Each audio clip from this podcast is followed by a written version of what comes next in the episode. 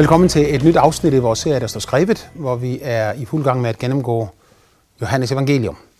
Øh, vi er i dag kommet til kapitel 16, hvor Jesus han er på vej fra det sidste påskemåltid i Jerusalem ned til Gethsemane have. Og mens de er undervejs der, så taler han sammen med disciplene. Og Johannes, som var en af dem, der gik sammen med Jesus på den øh, vandretur, han har skrevet de ord ned, som Jesus sagde. Og dem har han gengivet her i disse kapitler. I, øh, i kapitel 16 så taler Jesus om øh, fire forskellige åbenbaringer. Altså det, han viser sine disciple fire forskellige ting angående deres forhold til ham og angående deres liv sammen med ham. Øh, først så viser han dem, øh, at de vil blive forkastet. Han siger i de første fire vers, at de vil komme til at opleve, at de vil blive smidt ud af synagoger og blive forkastet af jøderne på grund af deres tro på ham. Og han siger til dem, at det har jeg talt til jer, for at I, når den tid kommer, skal mindes, at jeg har sagt det til jer, før det skete. Jeg sagde det ikke til jer fra begyndelsen, for der var jeg hos jer, siger han. Men nu er jeg ved at forlade jer. Snart er jeg ikke sammen med jer længere. Så I skal bare vide det her, at I kommer til at blive forkastet. Det er en sandhed, som jo ikke bare galt for de første kristne, Øh, I begyndelsen så øh, var de en del af jødedommen, men efterhånden så blev det klart, at der var et skærpt skille mellem de, som troede på, at Jesus var Messias, Guds søn, og de, som troede, at Jesus han var en bedrager. Og derfor kom øh, kristendommen til at opstå som et, et, et rodskud ud af det jødiske træ.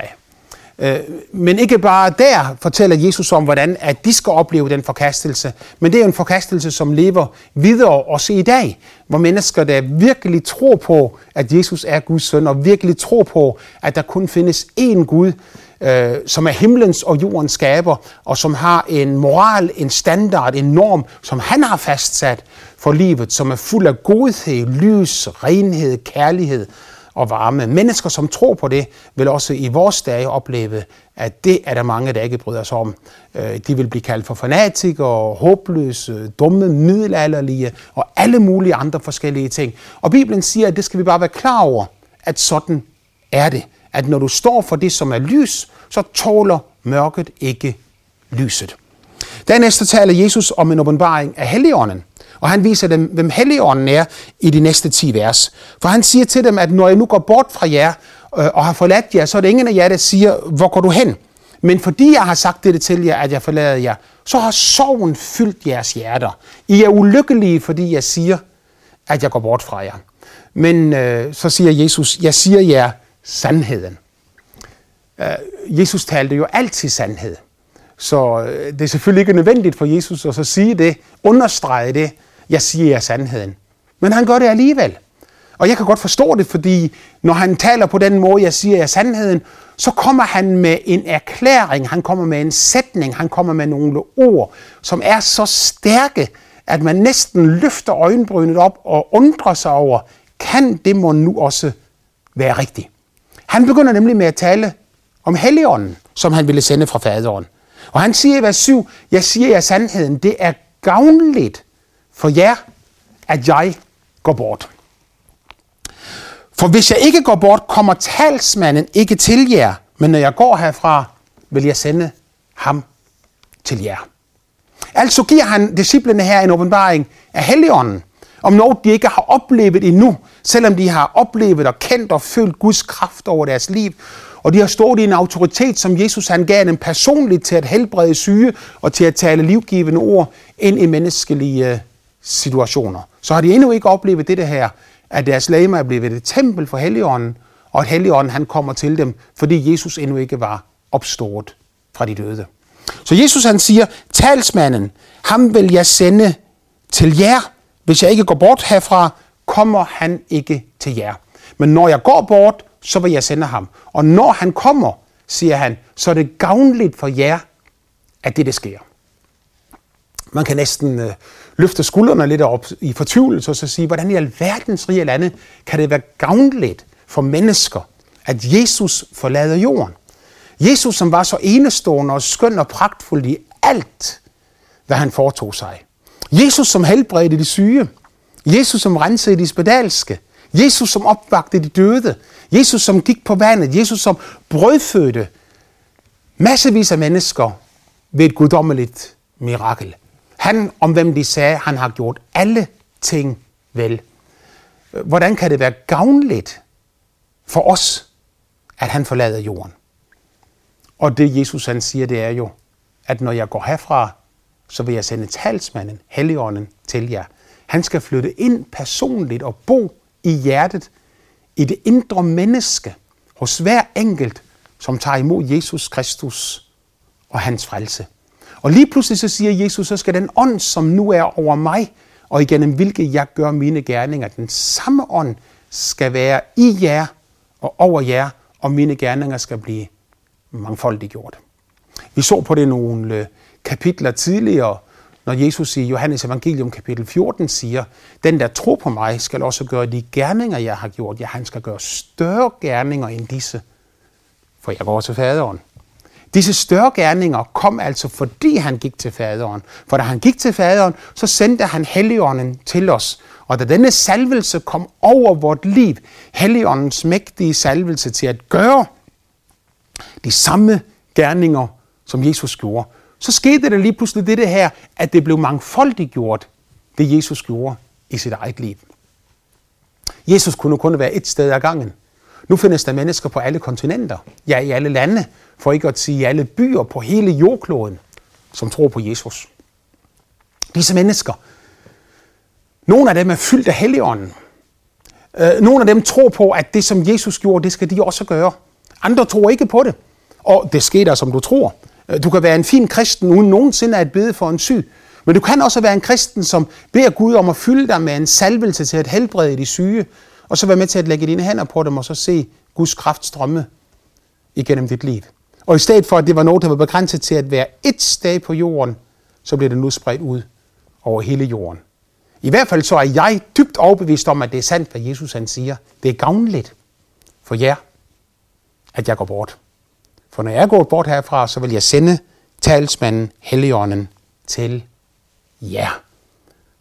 Og Helligånden skulle begynde at oplyse disciplenes øjne.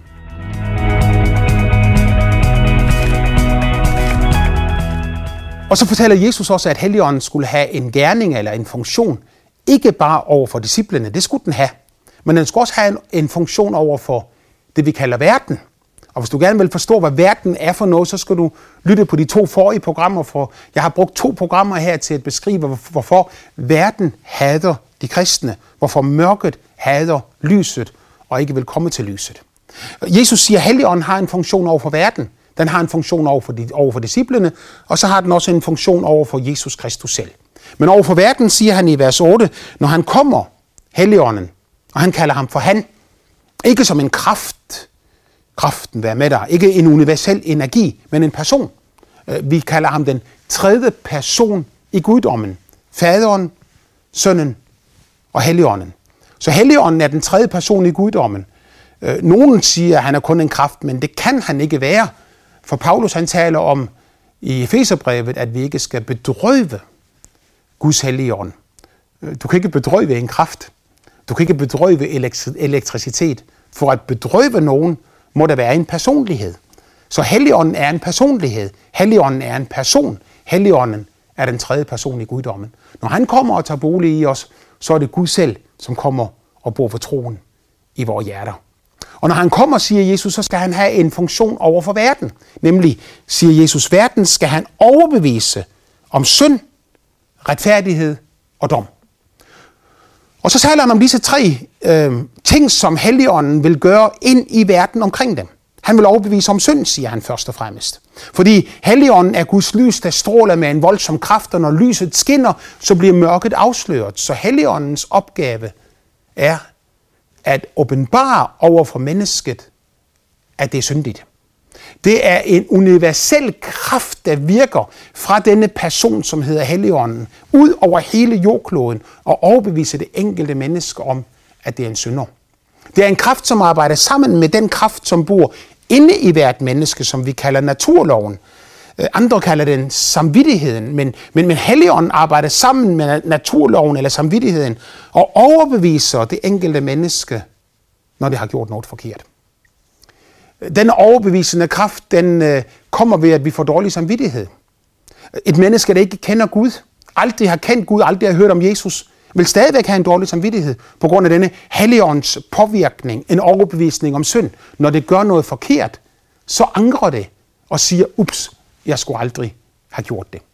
Men mindre selvfølgelig, mennesket i sin ondskab og uretfærdighed begynder at øh, retfærdiggøre sin synd, begynder at retfærdiggøre sine overtrædelser og kalder det forkerte for sandhed, kalder løgnen for sandhed, kalder, kalder mørke for lys og siger, at jeg ønsker at leve på den måde, så, så kan man kvæle samvittighedens røst til sidst og, og få en pande, der er hård som flint, så man ikke længere kan skelne mellem det rigtige og det forkerte. Men i udgangspunktet så overbeviser verden, så overbeviser Helligånden verden om synd. Og så siger Johannes her også, at denne synd, siger han så, det er primært det her, at de ikke tror på mig. Den store synd, kardinalsynden, synden over alle synder, er ikke at tro på Jesus.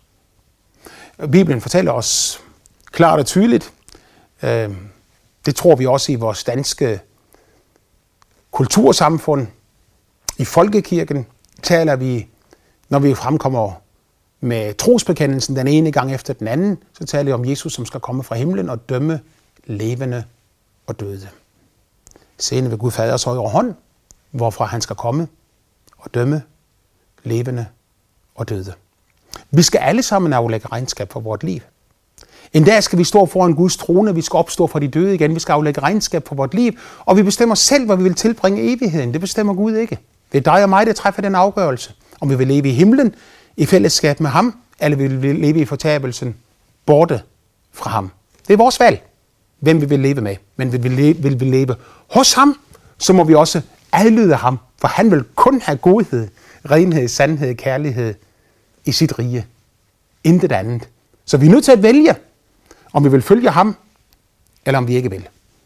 Men den dag, vi skal stå og aflægge regnskab for vort liv, så kommer Gud ikke til at dømme os på grund af en eller anden forkert handling, vi har gjort, eller en forkert overtrædelse.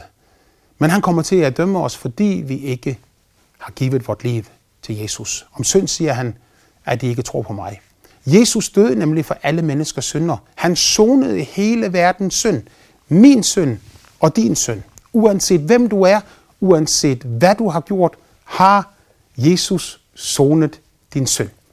Men det er som en pakke, der bliver sendt til dig og havner på posthuset, at det er vel din pakke, og den er vel sendt til dig, men du er nødt til selv fysisk at gå ned og så øh, bede om at få pakken udleveret, før den bliver din ejendom. Sådan er Jesus den, der har givet sit liv for dig. Han zone i din synd, men pakken den ligger på posthuset, eller rettere sagt, pakken den ligger hos Gud.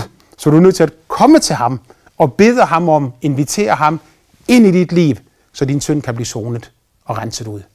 Ingen mennesker kommer til at gå fortabt, fordi Gud ikke kunne frelse dem. Fordi øh, de var øh, onde og slemme og forfærdelige. Mennesket går fortabt, fordi de ikke tager imod Guds frelse. De tager ikke den medicin, som kunne dræbe sygdommen, som hedder synd. Og derfor siger Jesus, at synden er, at de ikke tror på mig.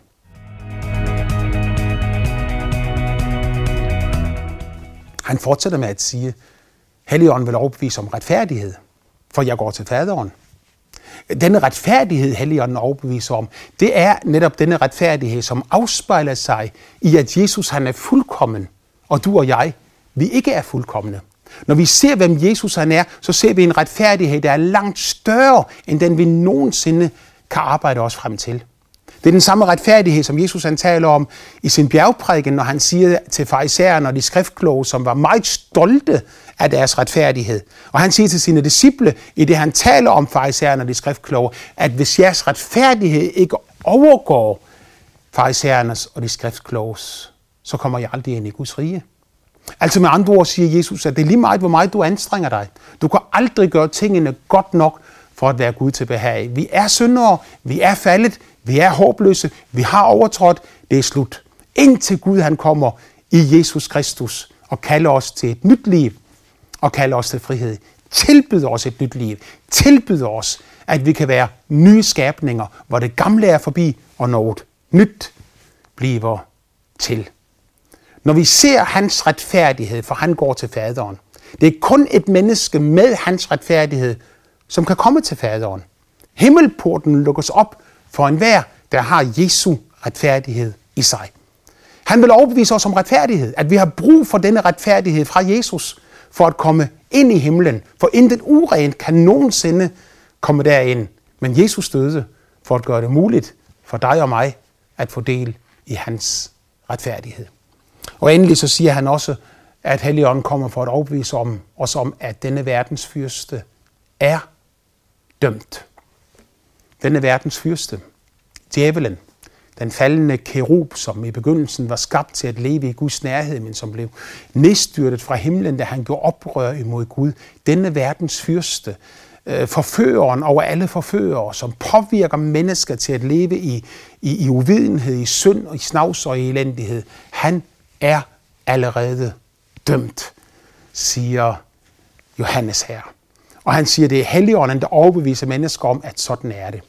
Hvis jeg skulle udlægge det eller forklare det på helt almindelig hverdagsdansk, så betyder det, uanset hvem du er, kan du blive fuldkommen fri. Denne verdens fyrste er dømt. Han har ikke længere magt over dig. Han kan ikke længere tvinge dig. I Jesus Kristus kan du få et helt nyt liv og blive fuldstændig fri. Jesus taler til jøderne om at være slaver af synden. Slaver af trællen. Øh, trælle øh, af synden. Men øh, så siger han også til dem, at den, som synden gør fri, han skal være virkelig fri.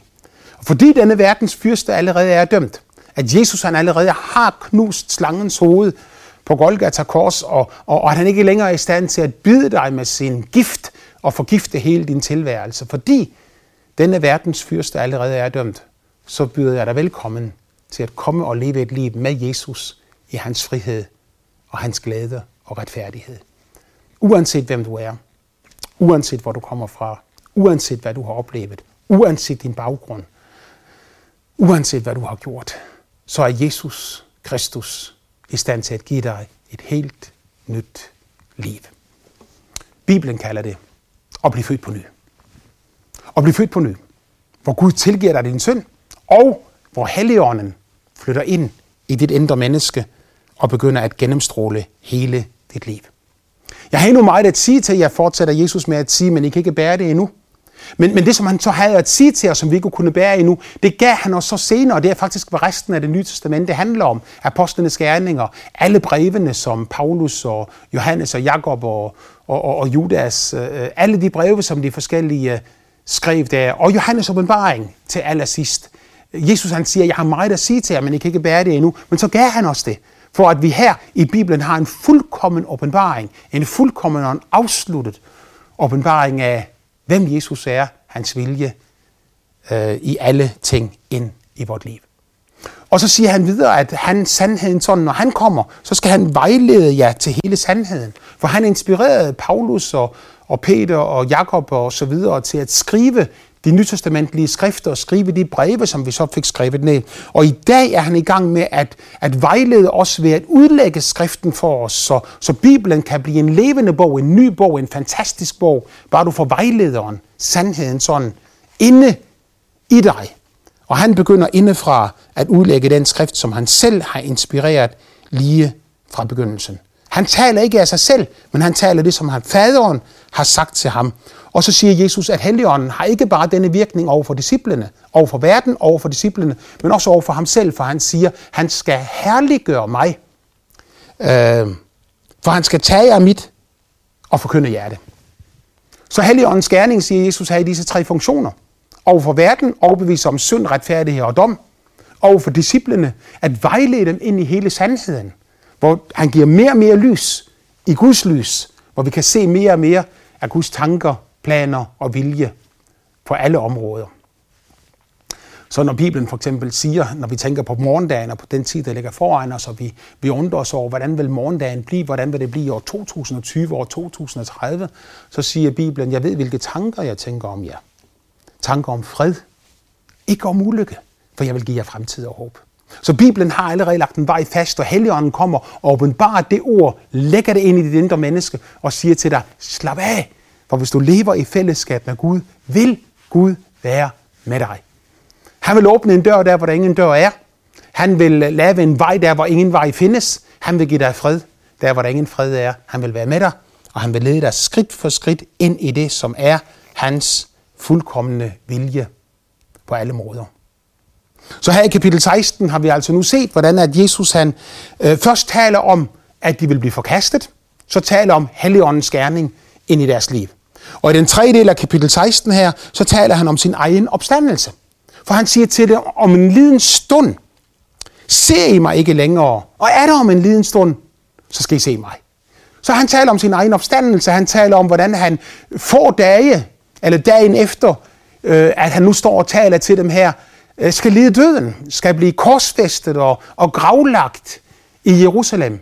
Men hvordan de så bagefter skal se ham igen. Tidligere havde han jo sagt det klart og tydeligt til dem, at øh, menneskesønnen skal lide døden. Og som Jonas var tre dage og tre nætter i havdyrets bu. Sådan skal menneskesønnen være tre dage og tre nætter i jordens skød. Men på den tredje dag, så skal han opstå igen fra de døde.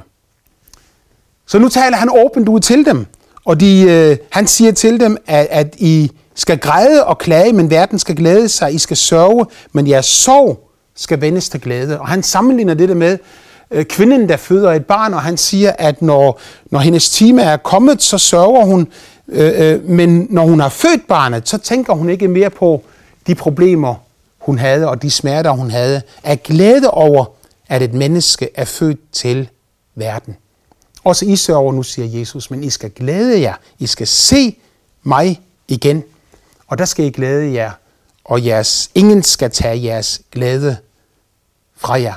Og når I så begynder at bede om noget i mit navn, siger han, så vil jeg gøre det. Jeg vil hjælpe jer til at fuldføre alle ting, som jeg har kaldet jer til.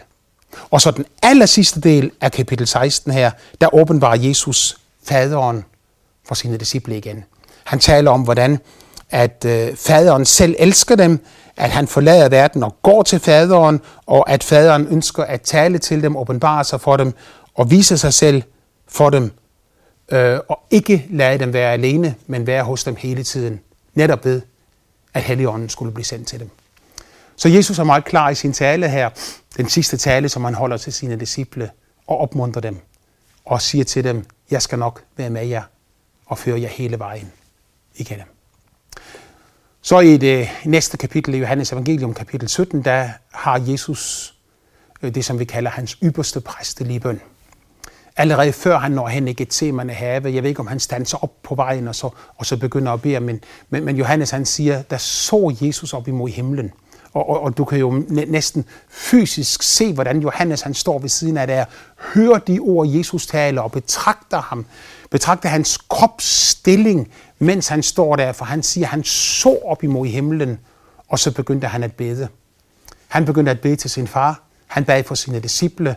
Øh, han bad, for, øh, for, han bad først sine egne bønder, hvor han takkede far, fordi at han fik lov til at leve sit liv i fællesskab med ham. Så beder han for sine disciple, at de må blive bevaret øh, midt i alt det onde, som kommer til at ske. Og så beder han for alle de, som ved deres ord kommer til tro på ham igennem alle tider. Han beder om, at de kristne alle må være et, og han beder om, at de må stå sammen og ikke give op over for modstanden, øh, som rejser sig imod dem, men at de må fortsætte med at elske ham, tjene ham og leve i fællesskab sammen med ham. Han siger, jeg har kun gjort dem dit navn, for at de skal leve i fællesskab sammen med dig. Han siger til sin far, som jeg har sendt, som du har sendt mig til verden, sådan sender jeg nu dem.